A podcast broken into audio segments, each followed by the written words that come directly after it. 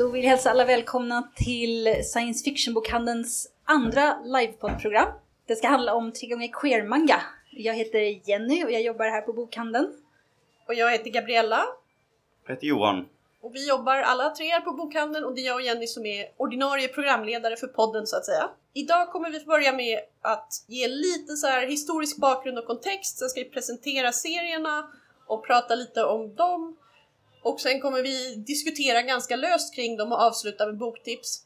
Ja, och eh, sammanfatta några hundra år av japansk historia är ju ganska svårt. Jag har ritat upp en liten karta här som ni, har, som ni ser. Eh, den kanske är lite kryptisk. Eh, och synen på homosexualitet eller förhållanden mellan samkönade personer eller samkönade förhållanden under eh, Japans historia har förändrats väldigt mycket. Under Edo-perioden, som är alltså Tokugawa-perioden, shogunatet, 1600 till 1868 så sågs det som en disciplin. Män som hade sex med andra män, de var inte olika normala män, de var fullt normala. Eh, det var någonting man gjorde, inte någonting man var. Däremot så hade man väldigt bestämda roller. Eh, en var Nenja, den som tänker på. Den andra wakashu, ynglingen, som är objektet. Subjektet i den här populärkulturella yttringen eh, var alltid en man. Tryckpressen kom till Japan tidigt, 1900, eh, tidigt 1600-tal så att det fanns en väldigt stor populärkulturproduktion. Många japaner läste, läskonst, eh, läskunnigheten var ganska utbredd. Men som sagt, det mesta behandlade män och manliga förhållanden. 1868 tvingades landet att öppna sig för väst och Japan tyckte att nu ska vi modernisera oss och modernt var lika med väst.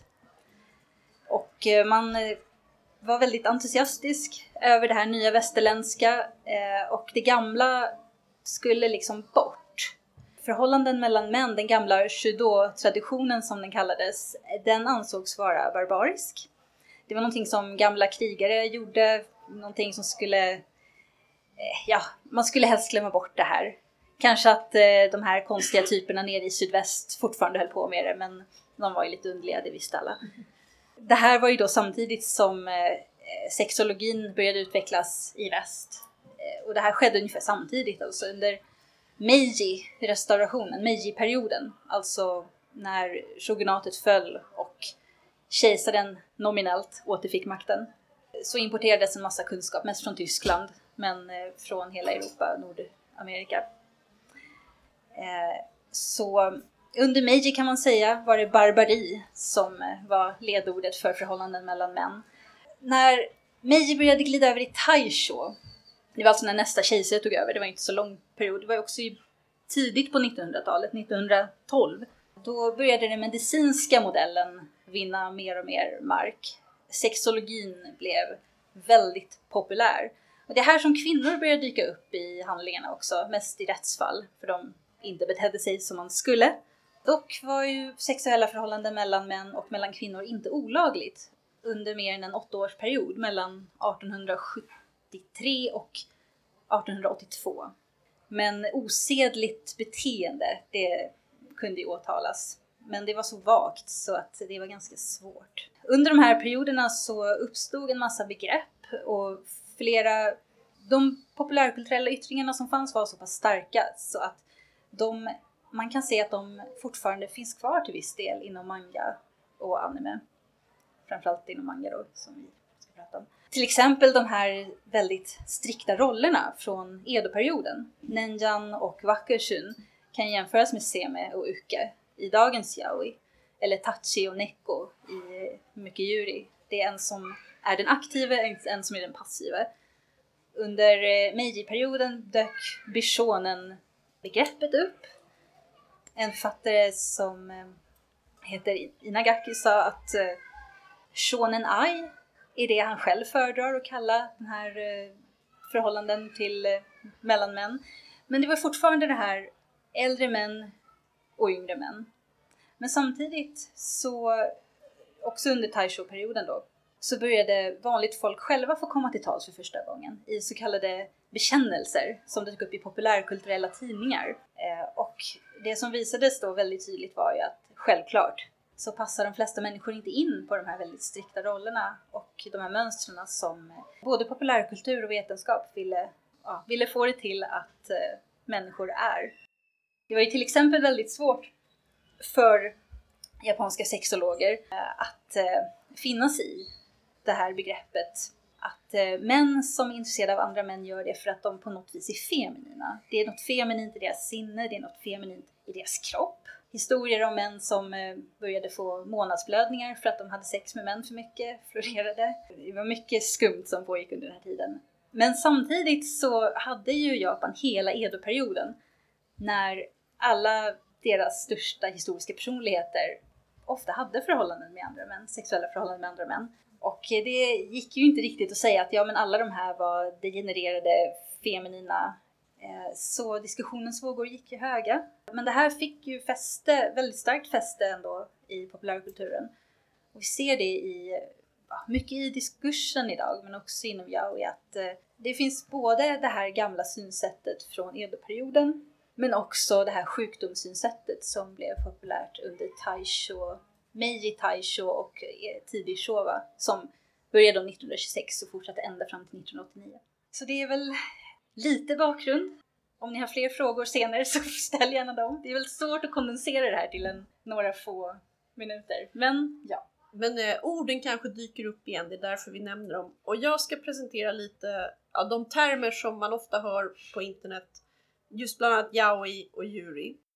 Det här är termer som har växt upp kan man säga ur, folk har börjat använda dem och sen har de oftast kodifierats och börjat betyda en viss sak. Det är inte så att någon kom på ett ord, som till exempel ordet homosexualitet kan man ju spåra till en viss forskare och det har betytt en sak i en tid och sen har det ändrat betydelse. Men sånt här, det är lite som när man frågar, men vad är en serie? Är det ett seriealbum, en serietidning?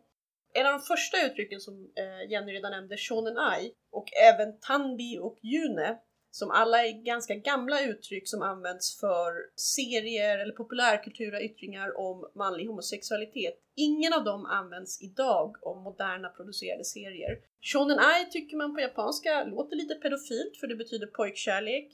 Tanbi och Juno hänger ihop med två tidningar som producerades, eh, som helt enkelt gav ut, så man, man döpte genrerna som efter de tidningar det gick i. Man pratar fortfarande om Shonen Nice-serier när man pratar om 70-talet eller när man pratar om längre tillbaks, kanske något från 1920 och så. Men det moderna, det man kallar istället BL, alltså Boys Love, vilket då har problemet att det låter lite pedofilt på engelska. Men i Japan så är det ju bara ett så här, främmande språk, så det, det är en bra term. Yaoi kommer ur fankulturen. Uh, man tecknade så kallad doujinshi. Ordet för det är fanzin på svenska. De är väldigt fina ofta. Hög kvalitet på liksom produktionen för det finns massa billiga tryckerier i Japan. Så man gjorde doujinshi, man gjorde fanserier, båda egna berättelser och berättelser inspirerade av annat. Ni har säkert sett Naruto, fanart och diverse sportmanger till exempel, Kuroko no Basket och sånt där.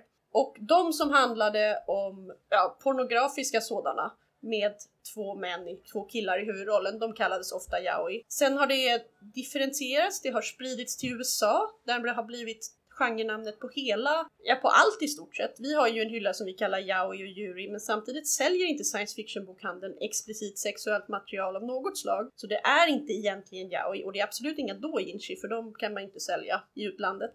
Men däremot, sitter ni på en amerikansk manga och det står yaoi då betyder det helt enkelt, det är en romans förmodligen med två homosexuella huvudpersoner. Men den kan vara väldigt mild, de kanske inte går längre än att de håller varandra i handen. Sen finns det också gay-commy som eh, en av våra författare använder rätt mycket.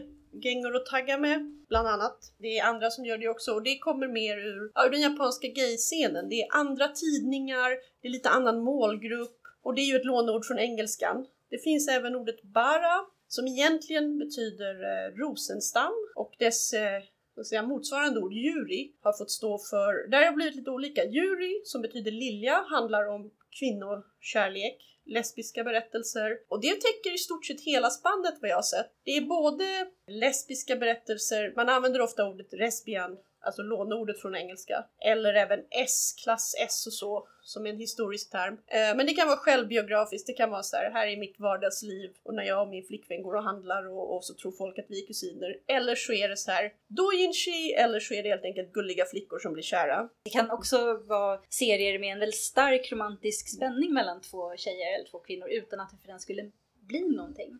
precis. Det finns mycket det är ju alltid så här, ska man vara i en genre egentligen? Ja. Men eh, eh, bara betyder nu oftast Eh, serier med homosexuella män i huvudrollen som är mer muskulösa, inte de här androgyna ynglingarna utan liksom hårigare, kraftigare. Och sen är det också, det är lite vag term. En del tycker att den bara ska vara väldigt explicit och pornografisk, en del säger att det inte alls så, det har med textstilen att göra, det, det är mycket diskussion där. Termerna hentai och etchi kan vara bra att känna till. Hentai betyder helt enkelt perverst det är massa porrmanga kallas så, all, allmänt vanlig pornografi också, massa så här, allt ni har sett med tentakler och grejer. Det bara klassificerar man in under det. Etchi är sånt här, ja de trosfluktsmanga som någon uttryckte det någon gång träffande. Titta de har bröst, titta det är liksom så här fanservice. Det kan användas för båda könen, det behöver inte bara vara manga, det här är ord som man använder. Men eh, vi kanske nämner dem så bra om, om någon inte hörde tidigare. Ska jag presentera första boken Precis, kanske? då tar vi presentationen av böckerna helt enkelt. Ja, okej okay, så den första då det är eh, författaren Gengoro Tagame som är en japansk mangatecknare som har beskrivits som Japans Toko Laksonen som eh, är den finska tecknaren bakom Tom och Finland. Jämförs ganska ofta. Även fast de skiljer sig ganska mycket i tecknarstil. Han började teckna yaois bland annat i magasinet eh, Juni som är en ordlek med den eh, franska homosexuella författaren Jean Genet eh, och kom successivt att bli ett av de största namnen inom genren Bada eller gaykomedi. 1995 och framåt var han en av redaktörerna bakom magasinet eh, G-Men som hade som fokus stora manskroppar med ett eh, maskulint uttryck som kom att utmana den samtida normen om den unga, hårlösa, feminina, slanka killen som den enda eftertraktade formen av kropp. Eh, hans egna mangor har uteslutande sexuell dominans och underkastelse mellan större maskulina, håriga och ofta äldre män. Ja, där skiljer den sig verkligen från Tom om Finland. Mm. där verkar alla ha väldigt roligt hela tiden. Ja, nej, folk har inte så roligt i, i Nej, nej, det är inte smuntert. Men den som vi ska prata om idag då skiljer sig ganska mycket från hans övriga verk. Eh, My Brother's Husband är en väldigt familjevänlig manga som är egentligen den diametrala motsatsen till hans annars väldigt explicita BDSM-manga. Den handlar om Jaichi som är en ensamstående pappa till dottern Kana. Jaichi hade en tvillingbror, Ryoji, som flyttade till Kanada för flera år sedan men som nyss eh, har gått bort. Eh, och mangan inleds med att hans tvillingbrors kanadensiska man Mike Flanagan ringer på Yaichis dörr och vill veta mer om Ryojis förflutna. I mötet med sin brors partner så gör Yaichi mer och mer upp med sin egen homofobi över seriens gång och dottern Kana fungerar som den fördomsfria frågeställaren som hjälper Yaichi på traven. Men det kan ju tilläggas att den är ju extremt grundläggande när det gäller alla begrepp och hur man närmar sig dem. Det är inte med i den engelska utgåvan och jag är inte säker på om det är med i den japanska bokutgåvan eller bara i tidningsversionen så att säga. För de, precis som nästan all manga så har den gått i kapitelversion i, i tidningar först. Det är nämligen så att i slutet av varje kapitel där har vi lite så här Mikes infobox där han berättar för läsaren om regnbågsflaggans historia, vad den rosa triangeln betyder och andra så här termer som dyker upp i mangan och typ ja, man kan vara gift som två män i Kanada. Det är en grej.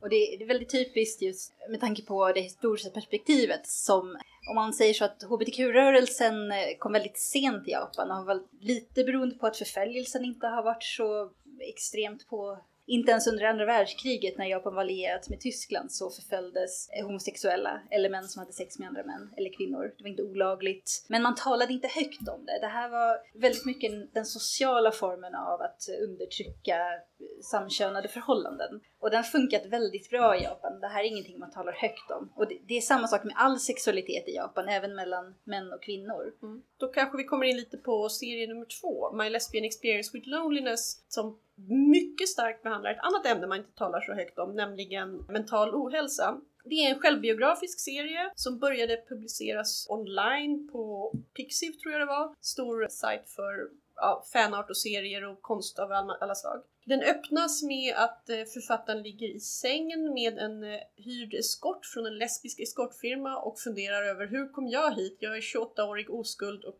nu ska jag ha min första lesbiska upplevelse. Och sen får man en lång flashback som liksom berättar hur hon kom dit. I korthet är det så att när hon gick ut gymnasiet drabbades hon av depression, ångest och eh, även ätstörningar. Har man sådana problem ska man inte läsa den när man mår för dåligt för det är en, ganska, det är en väldigt stark serie, man blir gripen av den. Men den har mycket svart humor också. Ja, eh, och hon kämpar sig ju ur, ur det här svarta hålet. Det är, en del av serien är ju hennes berättelse hur hon kommer ut och en annan del skulle jag också säga att hon finner sig själv genom sitt skapande.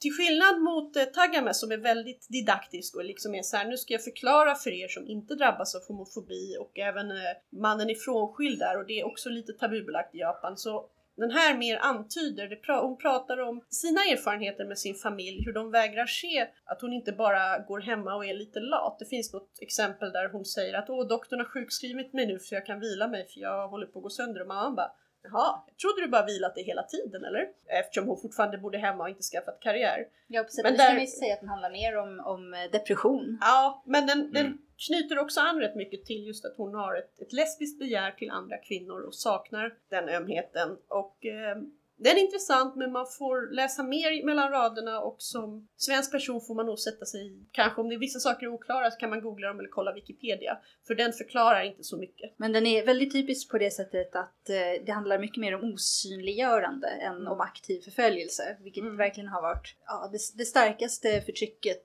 mot allting som är olikt i Japan under, ja, sen 1600-talet skulle jag vilja säga.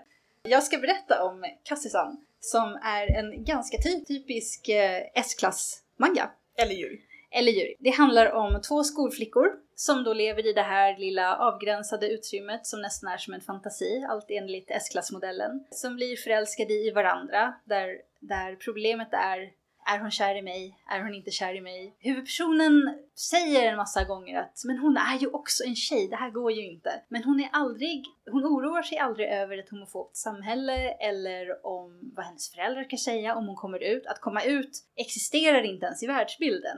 Utan eh, de, hon vill absolut vara tillsammans med den här tjejen som hon blir kär i. Men eh, de kommer ju aldrig riktigt tala högt om det. De ska hålla det hemligt utan att för den skull kommunicera till varandra att det här ska vara hemligt. För det är underförstått. Till skillnad från mycket S-klass. S-klass är för övrigt ett eh, begrepp som myntades av en författare på 20-talet under Taisho-era, tidig Showa, som skrev många, hon hette Yoshia Nobuko, som skrev många berättelser om förhållanden mellan kvinnor. Både lesbiska, romantiska utan sex, eh, en del lätt självbiografiska, hon levde själv med en kvinna, och hur det livet gestaltade sig då på 20-talet i Japan. Men den här mangan är väldigt fluffig och lycklig och inga problem uppstår i stort sett, utom de små vardagsproblemen som man stöter på i en väldigt lätt eh, verklighetsflyktsromans. Jag älskade den, jag tyckte den var helt underbar att läsa.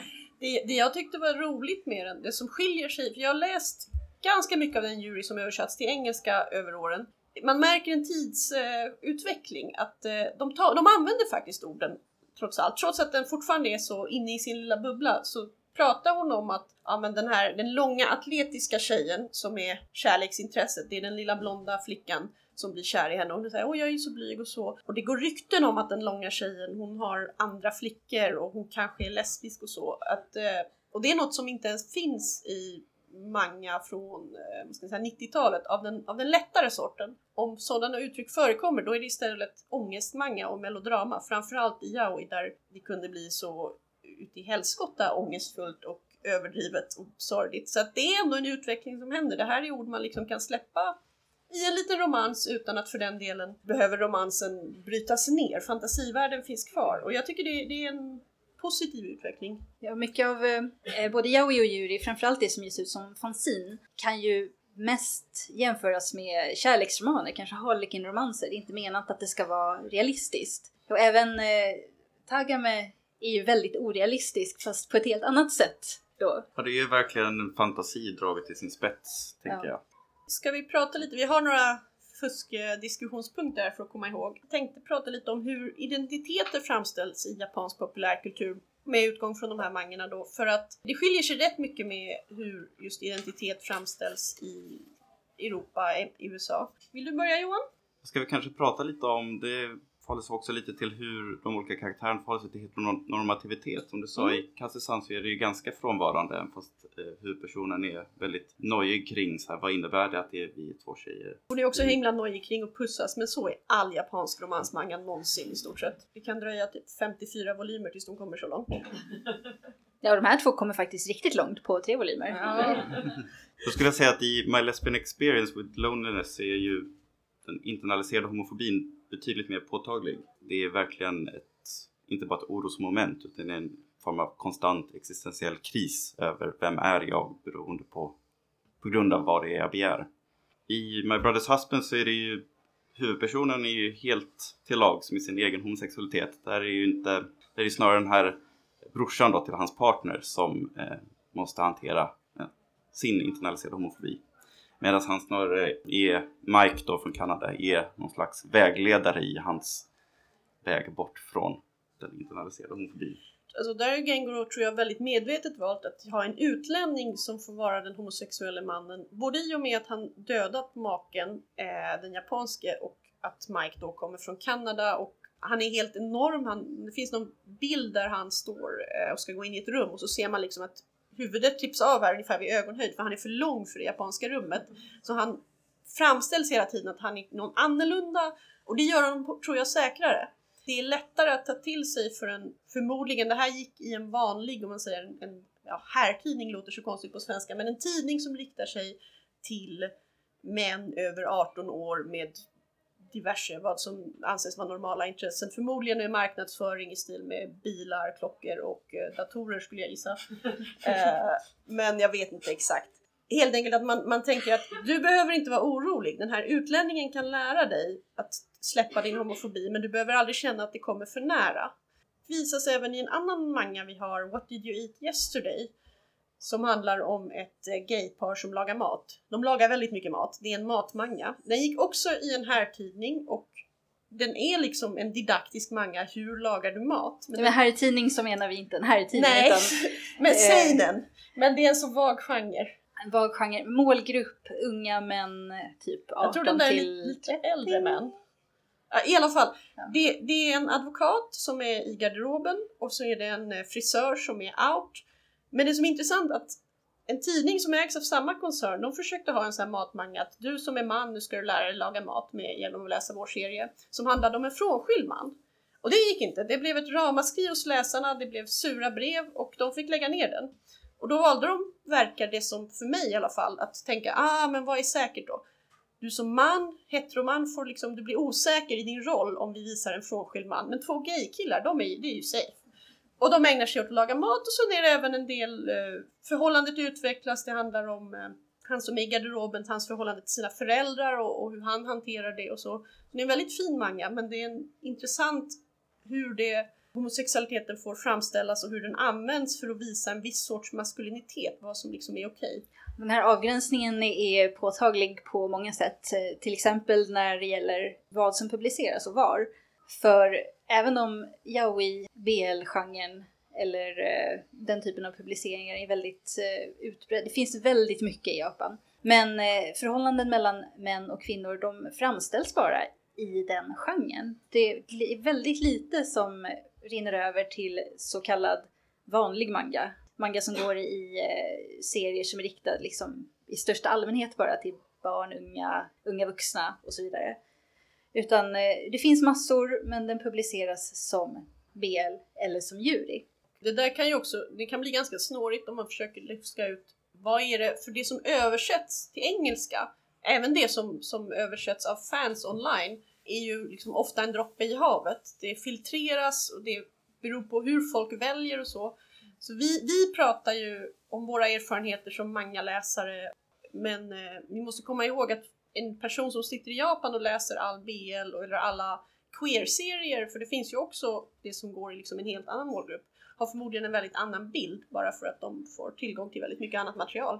Ja, Det kan man ju påpeka också att eh, jag nämnde ju väldigt snabbt i början. Under Meiji-perioden så försökte man glömma bort Edo-perioden och eh, den ställning som eh, erotisk litteratur som handlade om, om män, hur populär den var. Det skulle glömmas bort och det gjordes väldigt effektivt. Den här konflikten ser man väldigt tydligt om man läser historisk manga.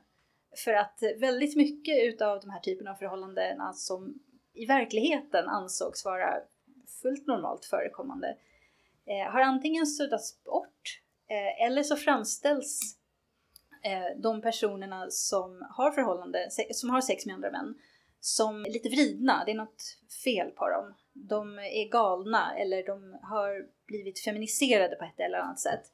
Och det här är ju, är ju en eh, framställning som härstammar från tidigt 1900-tal när den här eh, sexologin kom till Japan, ungefär samtidigt som den utvecklades i Europa eh, och fick starkt fäste. Ja, en sak jag tänkte på med den här nu, det här är ju två vill du volymer. nämna vilken bara? Ja, My Brother's Husband, förlåt. Det är ju två volymer i den här volymen. Alltså originalvolymerna. Jag vet, har ni läst de andra? För det har kommit Jag har till. tjuvläst eh, resten, ja, i förväg. För det känns som att de hintar lite här i, i alla fall mot slutet, att Yaichi då som är den ensamstående pappan på något sätt ska kunna möta eh, Mike i utsattheten av att avvika från normen, att vara ensamstående pappa respektive vara homosexuell. Jag vet inte om det Jag tror, jag tror det. Mm. Eh, för skilsmässa är ganska... Stigmatiserat, Ja. väldigt stigmatiserat, oh ja. Precis, och, och framförallt han är alltså han deltidsarbetar med och han är en slags vaktmästare för ett hus han har ärvt av sina föräldrar. Så han är både hyresvärd och vaktmästare eh, för att vara hemma och hinna ta hand om sin dotter. Och det här också att inte arbeta 18 timmar om dagen är, ja, eller att inte ha det som ideal är stigmatiserat för en japansk man. Sen finns det ju naturligtvis massa personer som inte gör så. Men det finns även så mycket män som arbetar så och även kvinnor nu för tiden att de har specifika ord för att du dog på jobbet av överarbete. Så att det, det är också, tror jag, väldigt noggrant urvalt. Att vad, vad är det för person han möter? Plus att annars skulle han helt enkelt aldrig ha tid att vara där Mm. med sin dotter och den här främlingen. Det kan man ju nämna igen att eh, stigmatiseringen av det avvikande har alltid varit väldigt svår i Japan och det gäller inte bara det som historiskt i Europa har ansetts vara avvikande utan det kan gälla ja, att vara frånskild. Även under eh, den på sätt och vis fria edoperioden när män kunde ha sex med andra män utan att för den skulle fördömas, om man inte gjorde det på fel sätt då förstås, så var man väldigt sträng med köns, eh, könsroller. Det uttryck som eh, ens kön hade, alltså det biologiska könet var det som förhärskade och eh, man fick inte leva som någonting utöver det. Det finns eh, rättsfall till exempel som behandlar en man som uppfostrades som kvinna då för att hans föräldrar hade inte råd att uppfostra honom som man. Eh, han blev sömmerska, gifte sig med en man som absolut visste att han var biologiskt en man. Det framgår inte av sammanhanget om han var en transperson eller om han bara levde det här livet för att det var enklast för honom. Men eh, när myndigheterna kom på honom så tvingade honom att klippa av sig allt sitt hår och gå klädd i manskläder och absolut inte bo tillsammans med sin make längre.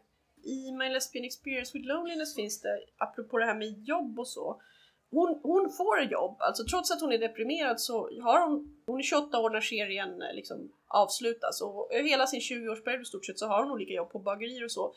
Det är lite knepigt i översättning, det står my, ja, hon vill ha salaried employee status. Och man läser som svensk, man bara vadå, du jobbar ju fem dagar i veckan, det är väl, det är väl lugnt. Men hon har inte ett karriärsjobb, hon är inte på ett företag. Eller hon är liksom inte så här, jag ska bli bagare. Utan hon är bara en butikstjej. Och det räknas som ett extra knäck. Så hon har pengar, hon samlar ihop tillräckligt mycket för att köpa en lägenhet men hennes föräldrar säger att nej men du, ingen kommer vilja hyra en lägenhet till dig, du har ju inte ett riktigt jobb. Och sen står det en liten fotnot att det insåg jag senare var inte sant.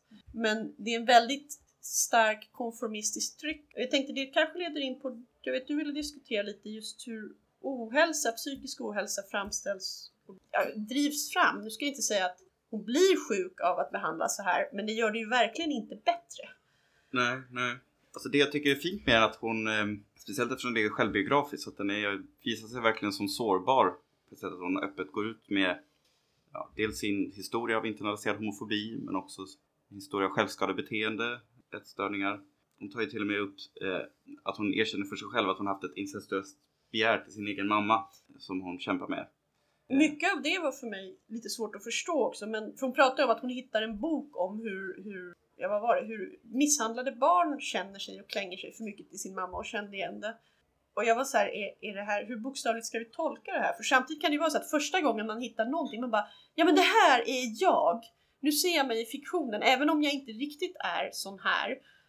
Men man det, känner igen sig helt enkelt, identifierar sig. ja, det här har ju sina rötter också i hur populär Freud blev i Japan och hur eh, han fortfarande hänger kvar där alldeles för mycket. Fast, här. eh, Här med. ja, mycket tolkas genom det freudianska. Det tog lite tid för att i, i början på 1900-talet, framförallt under Meiji, så tyckte man att nej men, det, det freudianska botemedlet mot psykisk ohälsa, det vill säga att man pratar länge och väl om saker och försöker komma fram till vad som ligger bakom, det tar ju för lång tid.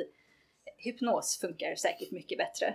Ja, den är, ja, den är väldigt freudiansk på det sättet att det är, den här känslan av ensamhet som hon känner är någon slags symptom på den här psykiska ohälsan som uppstår i hur hon skaver gentemot samhällets normer. Och en av hennes insikter, det är ju väldigt många insikter hon får Mm. under tidens gång, men en av dem är just att hon upptäcker att hon verkligen behöver bekräftelse, framförallt från sina föräldrar, som hon aldrig lyckas få eftersom hon inte duger med det, de jobb hon har eller Ja, att hon inte är gift är säkert också ett väldigt stort problem för om hennes föräldrar är så traditionella som de verkar skulle de säkert inte bry sig om hon var hemmafru. Och Nej, antagligen inte. Då, då, då vore liksom allting helt okej. Men eftersom hon är ensam då behöver hon ju istället ett jobb. Ett, ett rätt sorts jobb. Eh, Så det, det är inte lätt.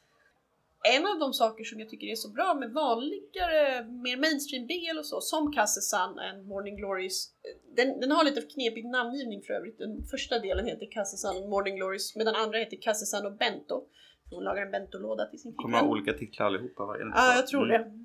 Det är ju just att de, att de ändå vågar drömma om en framtid tillsammans och att den här mer lättsamma eh, självbilden finns. För att det är annars, det, det är inte så att det finns så väldigt många utrymmen, framförallt om man inte bor i Tokyo eller de andra megastäderna, att prata om erfarenheter utanför normen. eh, Ja, det här är ju den stora paradoxen. Att Mm. eh, leva tillsammans med en annan kvinna är inte utsatt för några särskilt hårda förföljelser. Har inte varit det Nej. på kanske någonsin.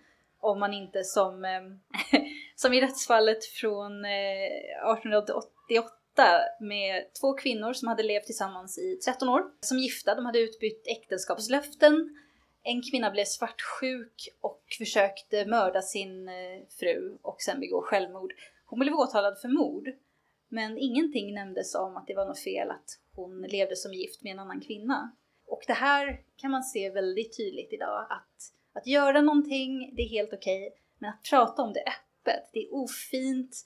Det, det blir dålig stämning helt enkelt. Det tycker man inte om i Japan. Lika lite som här. Men Ja, ännu mer nästan. ännu mer, ja det är mer konservativt i Japan, det är det faktiskt. Men eh, oftast helt okej att göra saker bara man inte pratar om det. Mm. Och det finns en, i, i, i landet i stort så är inte samkönade äktenskap eller ens registrerade partnerskap tillåtna. Men det finns i en viss del, eh, vissa distrikt har det. Det, är, det är annorlunda lagsystem. Men om ni tänker som att USAs delstater kan ha olika lagar, kan på samma sätt olika delar av Japan ha det.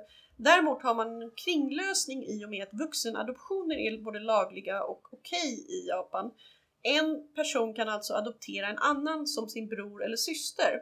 Eller barn faktiskt. Ja, men jag tror det vanliga för de som vill leva i äktenskapslikt och, och ha liksom det lagliga skyddet av att vi är familj, den här personen kan bli min arvinge, den här personen kan få bestämma ifall jag blir sjuk och så. Det är att man ingår en eh, vuxen syskonadoption Mm. och får man även samma efternamn. Och det har att göra med att det var väldigt, väldigt viktigt att, att familjenamnen bevarades i, liksom historiskt, framförallt då när det fanns stora ägor eller titlar. Eh, och då kunde man om, om länsherren var 65 och bara oj då, jag har inga barn eller oj de dog allihop i pesten. Så kunde han adoptera någon lämplig person och då blev den en del av honom, hans familj. Ja. Och det, det har liksom levt kvar i lagen. Mm, Det här har alltid varit vanligt eh, ända sedan 1600-talet. Absolut. Och Jag försöker fundera på hur eh, psykisk ohälsa är närvarande i My Brothers Husband på något sätt. Det finns väl ett möte där, där han, Mike, kanadensaren, träffar en, jag måste tänka här, det En är alltså ung pojke. det är en storebrorsa till dotterns kompis. Ja, och så han är kanske 13-14 skulle jag gissa. Han går i skolan i alla fall och skulle ha varit i skolan när han besöker dem. Precis, han smyger runt i huset, eller runt i kvarteret och så blir han påkommen och sen så visar det sig att han har fått höra att den här Mike eh, också begär andra män eller killar. Försöker närma sig honom för att han inte har någon att prata med. Nej, och han har sökt på internet men blev skrämd av det han hittade där. Att, Ja. eh, helt enkelt, du pratar inte om det var tyst och så. Han bara, ja, jag är inte ensam men de, jag borde inte säga något för det, det är dåligt. Jag tror, jag tror att det kan vara någonting mer för det verkar, jag tycker jag får antydningar i hur Mike pratar om sin eh, make att, att någonting hände eller att det var någon specifik sak som drev mannen från Japan. Jag vet inte. Mm. För det, det är inte tecknat än, det finns liksom inte. Men det Någonting- verkar ligga någon slags hemlighet i det. Det kan vara så enkelt som att, att han kände sig utfryst av samhället. Det kan också ha varit någonting, Jag tyckte, det var, vän eller så. jag tyckte det var väldigt tydligt eh, hur han, huvudpersonens tvillingbror kände sig bemött av eh, huvudpersonen. Jag, Jaichi. eh, för det framgår med att tvillingbrodern börjar känna sig mer och mer skyldig för att han, ja, för att han inte sa någonting. Tvillingbrodern som var gift med kanadensaren, han eh, sa ju att han var tacksam för att hans bror inte hade fördömt honom. Men på sätt och vis så gjorde han ju ändå det. Jag tror att han själv känner det Mm. också. Just på det här typiska sättet att men jag säger ingenting, jag är väldigt obekväm med det. Men eh, jag kommer vara tyst och eh, bli lite fjär mot honom. Ja, han sa väl ungefär jaha när han kom ut och sen började de på olika universitet och flyttade isär varandra och sen flyttade han till Kanada. De pratade inte på tio år så att Mm. någonting har ju hänt. Mm. Men, men det, det är det jag tror att vi får se mer. Det, jag tycker det är ganska, alltså det är en enkel manga men den är effektivt tecknad. Gengoro Tagami har ju varit gayaktivist, eh, serietecknare och också levt som homosexuell man i Japan väldigt länge. Han, han kan allting och han kan förmedla sina känslor och sina åsikter i den här mangan. Trots att det inte händer sådär fruktansvärt mycket, men det är familjedrama och så, och så har vi den här sorgen och det frånvarande i den. Så det, den har många lager, även om den på ytan ser väldigt enkel ut. Det blev väldigt tydligt hans intentioner tänker jag med den här just i kontrast med hans väldigt extrema BDSM-manga som man gör i vanliga fall. Att han verkligen, eh, han har sagt i intervjuer innan att det, den sortens manga som han sysslar med i vanliga fall eh, är aktivt gjord för en väldigt smal publik. Han är helt ointresserad av att nå ut bredare kring det. Men med den här så är det uppenbart att han verkligen vill nå ut till en kanske framförallt straight publik. Och- Han tar ju upp varenda fördom som han, man kan föreställa Ja. sig att den väldigt eh, konservativa japanska publiken kan ha. Men han nämner ju också när Mike diskuterar våldet som, som man kan drabba just unga personer, att folk tvingas rymma hemifrån för att överleva. Att um, Yaichi och hans frånskilda fru, de säger nej det har vi inte hört om och det kommer ingen motsägelse, vilket jag misstänker det skulle göra. Alltså publiken kan nog lita på att nej, sånt våld är väldigt ovanligt i Japan. Men han nämnde i en annan intervju att det här omslaget med Mike, Kana och Yaichi och det på baksidan som då är omslaget till volym 2 i, i ja, originalutgåvan så ser man Mike har en regnbågsflagga i tvåan och en rosa triangel i ettan och så vitt Tagame kunde avgöra så är det första gången någon av dem har varit på omslaget av tidningar som inte specifikt riktar sig till gaypublik eftersom den går i en allmän tidning om man ska uttrycka det så. Så han, det är hans aktivistmanga. Mm. Börjar få lite ont om tid så vi ska starta frågor. Jag ville bara nämna också att eh, Nagata Kabi har gjort en, jag tror det är en slags uppföljare, det är också självbiografisk, en, en del två i sin serie om sitt liv och den heter Enpersonsbytesdagbok. Alltså Hitori Kokan Nikki. Som inte översatt än men som jag hoppas kommer för jag vill läsa mer av henne. En bytesdagbok är något man har i ja, vad är det, skolan, grundskolan, mellanstadiet någon gång i Japan. Ja, Kanske längre högstadiet. Man skriver lite om sin dag och sina, det är som en sån här kompisbok och sen byter man den. Sayonji har ju en i utterna Ja, precis. och eh, de i utterna är bara 14. Ja, men som lämnas tillbaka som anti. Eh, men man ger den bland annat till sitt kärleksintresse. Man kan även ge den till en väldigt nära vän som jag har förstått. Men hon har då en, en bytesdagbok som hon bara skriver i själv för hon har inga vänner. Är Så jag tolkar titeln i alla fall. Den, den handlar ju uppenbarligen också om ensamhet. Hennes manga är helt fantastisk. Den är så mörk men så rolig. Ja, ska vi se om någon har, har vi några frågor eller tankar? Ja.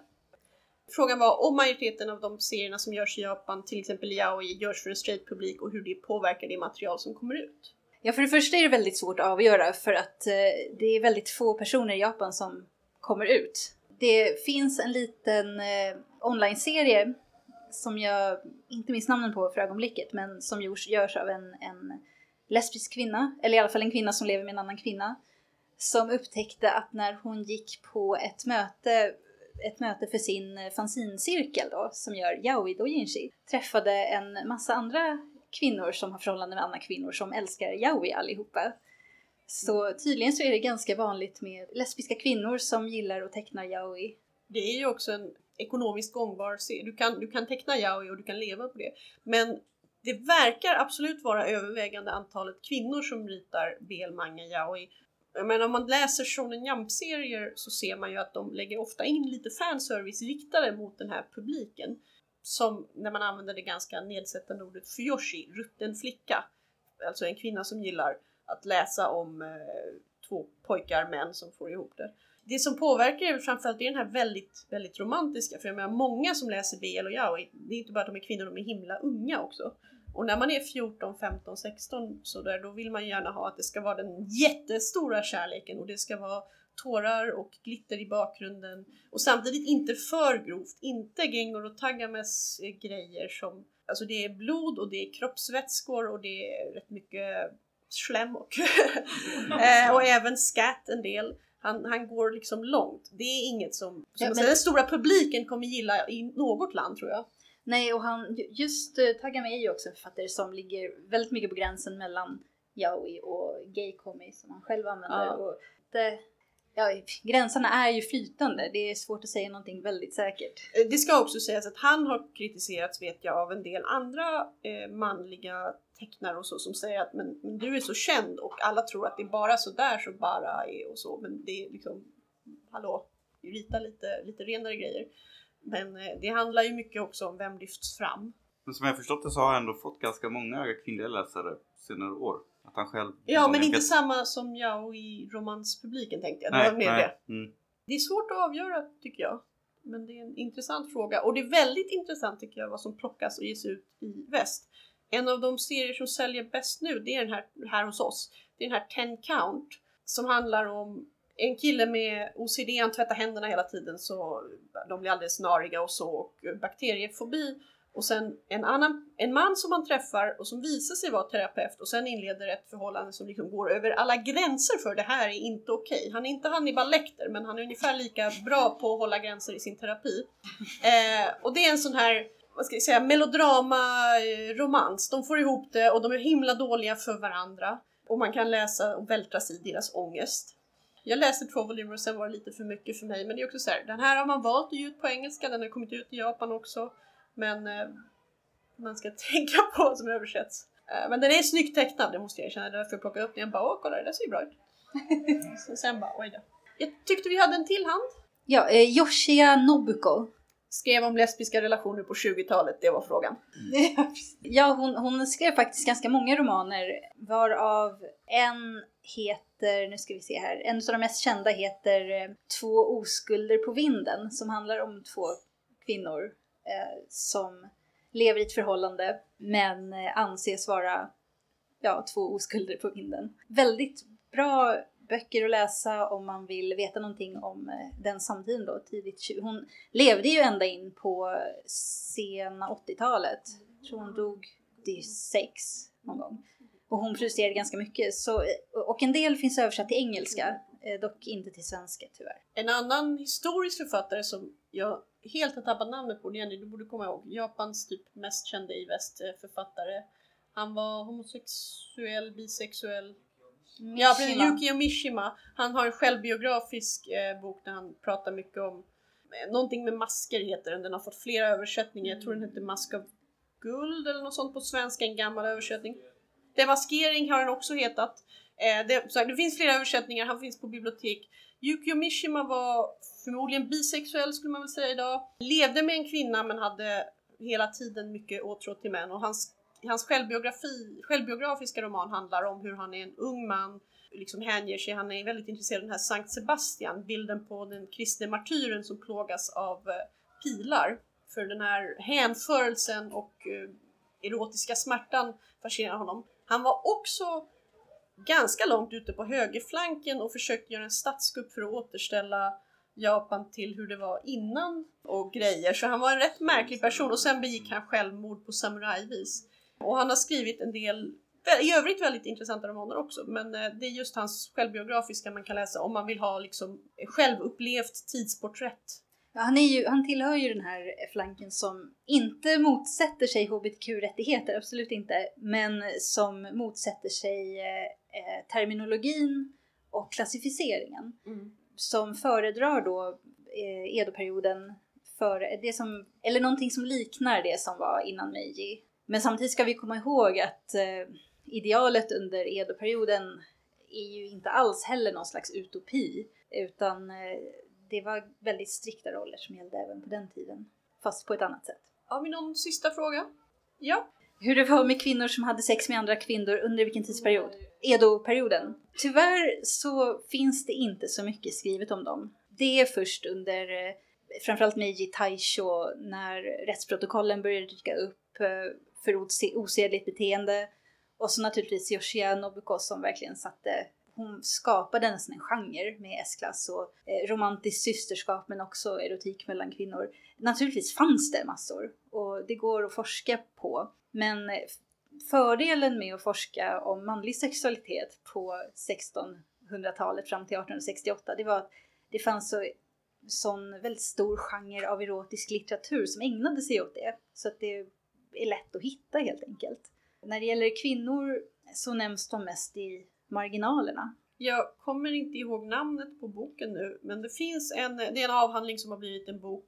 Vi säljer den inte, men den går att hitta på Amazon till exempel, om Takaraska-revyn, en helkvinnlig teatergrupp som går in lite på, också lite i marginalerna, men även i sin källförteckning nämner en del om, eftersom det direkt när den teatern startades, det var en massa kvinnor, de gick på sin egen skola mm. och liksom lärde upp där, kom rykten och funderingar och vad var de? Och, det var också vi, på 1914 kring 1914 var det inte så? Det är där någonstans, 1920 tror jag var en första storhetsperiod, sen gick det ju ner under kriget. Men, men det står lite i boken, som jag har läst för många år sedan, därför jag inte minst mer detaljer, som kan hjälpa en att leta vidare. Det finns en del historiskt material som sagt, men det är, det är svårare att hitta. Ja, det är undantagen. Det är, någonting som illustrerar det väldigt tydligt är ju att eh, eh man, brett så kallades eh, det här eh, kärleken mellan män för nanshoku under Edo-perioden. Som sitter ihop av tecknet för man och tecknet för eh, åtrå. En av tecknen för åtrå. Eh, det fanns även yoshoku, tecknet för kvinna och åtrå. Och det handlade alltså om män som åtrådde kvinnor. inte kvinnor som åtrådde varandra. För att kvinnor var inte viktiga i sammanhanget. Sen måste vi komma ihåg, alltså det finns ju en stor historia av hovlitteratur i Japan som skrevs väldigt mycket av kvinnor. Och väldigt mycket av det har brunnit upp.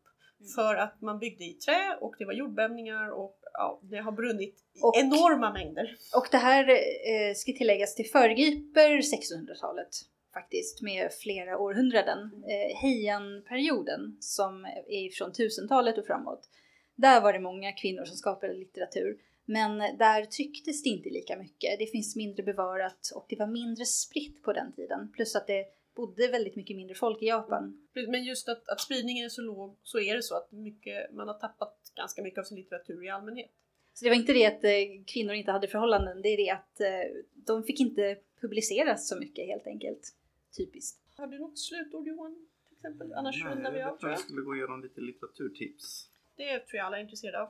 När det kommer till Gengoro Tagame så finns det inte jättemycket översatt till engelska. Det är ett tiotal titlar ungefär. Det finns en ganska bra eh, antologi, en introduktionsbok som är släppt av samma person som, som är redaktör för hans engelska titlar. Som heter Massive Gay Erotic Manga and the Men Who Make It från 2014. Om man är intresserad av andra så här björnrelaterade titlar som inte är manga så finns det en väldigt fin San Francisco-tecknare som heter Ed Loose. Som faktiskt var representerad här som har en karaktär som heter Vovable Oath. En metal-snubbe som gillar katter och Morrissey och håriga män. Det finns också en väldigt fin eh, svensk serie som heter Trollkungen av en serietecknare som heter Kolbeinn Karlsson. Som släppte 2000, kolla, 2009 kom den. Kan vara lite svår att få tag på tror jag. Eh, den trycktes kanske i två, två upplagor bara. Sålde slut ganska snabbt. Mm, nu är det ju stängt från byggnad men serieteket har säkert en kopia. Det tror jag. Mm. Vanliga yaoi och jury-tips har inte jag förberett just nu för jag har inte riktigt hunnit kolla vad som fortfarande finns i tryck av det jag gillar att läsa. Det är tyvärr så att eh, eh, mycket av det som jag har läst finns inte i tryck. om man gillar uh, My Lesbian Experience with the Loneliness så finns det en serie som heter Honey and Honey av Sachiko jag har glömt hennes efternamn för tillfället. Vi skriver upp det när vi släpper podden. Precis. Honey and Honey som handlar om ett Eh, eh, par kvinnor som bor i Tokyos Nichome. Alltså det området där vad ska säga, där det finns flest klubbar för folk som avviker från normen. Det handlar om hennes liv med sin flickvän, deras bästa vänner som är transpersoner, någonting som verkligen inte dyker upp ofta i japansk populärlitteratur. Förhållanden till omvärlden och eh, hur hon deltar i eh, hbtq-rörelsen i Japan. På ett väldigt humoristiskt och gulligt sätt. Så den rekommenderar jag om ni kan få tag på den. Ja, jag kan ju släppa två tips också. Wandering Son, just det med transpersoner som handlar om två unga barn som ja, växer upp och känner av sin identitet och hur, vilken könstillhörighet och så. Det är en ganska lång serie och eh, lågmäld stil som går igenom där och deras uppväxt. Och sedan allting av Fumiyoshi Naga ni kan få tag i i stort sett. Eh, bra BL, yaoi-tecknare. Hon har en del som är mer erotiskt och en del som är liksom historiska dramer eller eh, komedier eller allmänna dramaserier. Hon tecknar både, även sånt som kallas Yosei, manga riktat till kvinnor, om kvinnors liv och sedan mycket om eh, gamen. Hon har en väldigt, väldigt rolig semi-självbiografisk restaurangrecensionsmanga. Som, vad hette den nu Den hade någon himla långt namn. Not Love But, but Food? Någonting, jag får skriva upp den. Eh, men den handlar om hur hon går, eller inte hon, utan Efsan går runt hemma och dräggar mest hela tiden och sitter och tecknar manga i sina otvättade bylsiga kläder och ringer sin eh, assistent och är så här, ah, hur ritar man gayporr? Det här är så svårt. Och sen klär hon upp sig bara för att gå ut på restaurang och äta jättefin mat. Och den gjordes för en damtidning och det är liksom restaurangguiden som är varför serien ska finnas. Men det är ju hennes självbiografiska bitar som är de hysteriskt roliga. Så, därmed avslutar vi. Tack för att ni kom!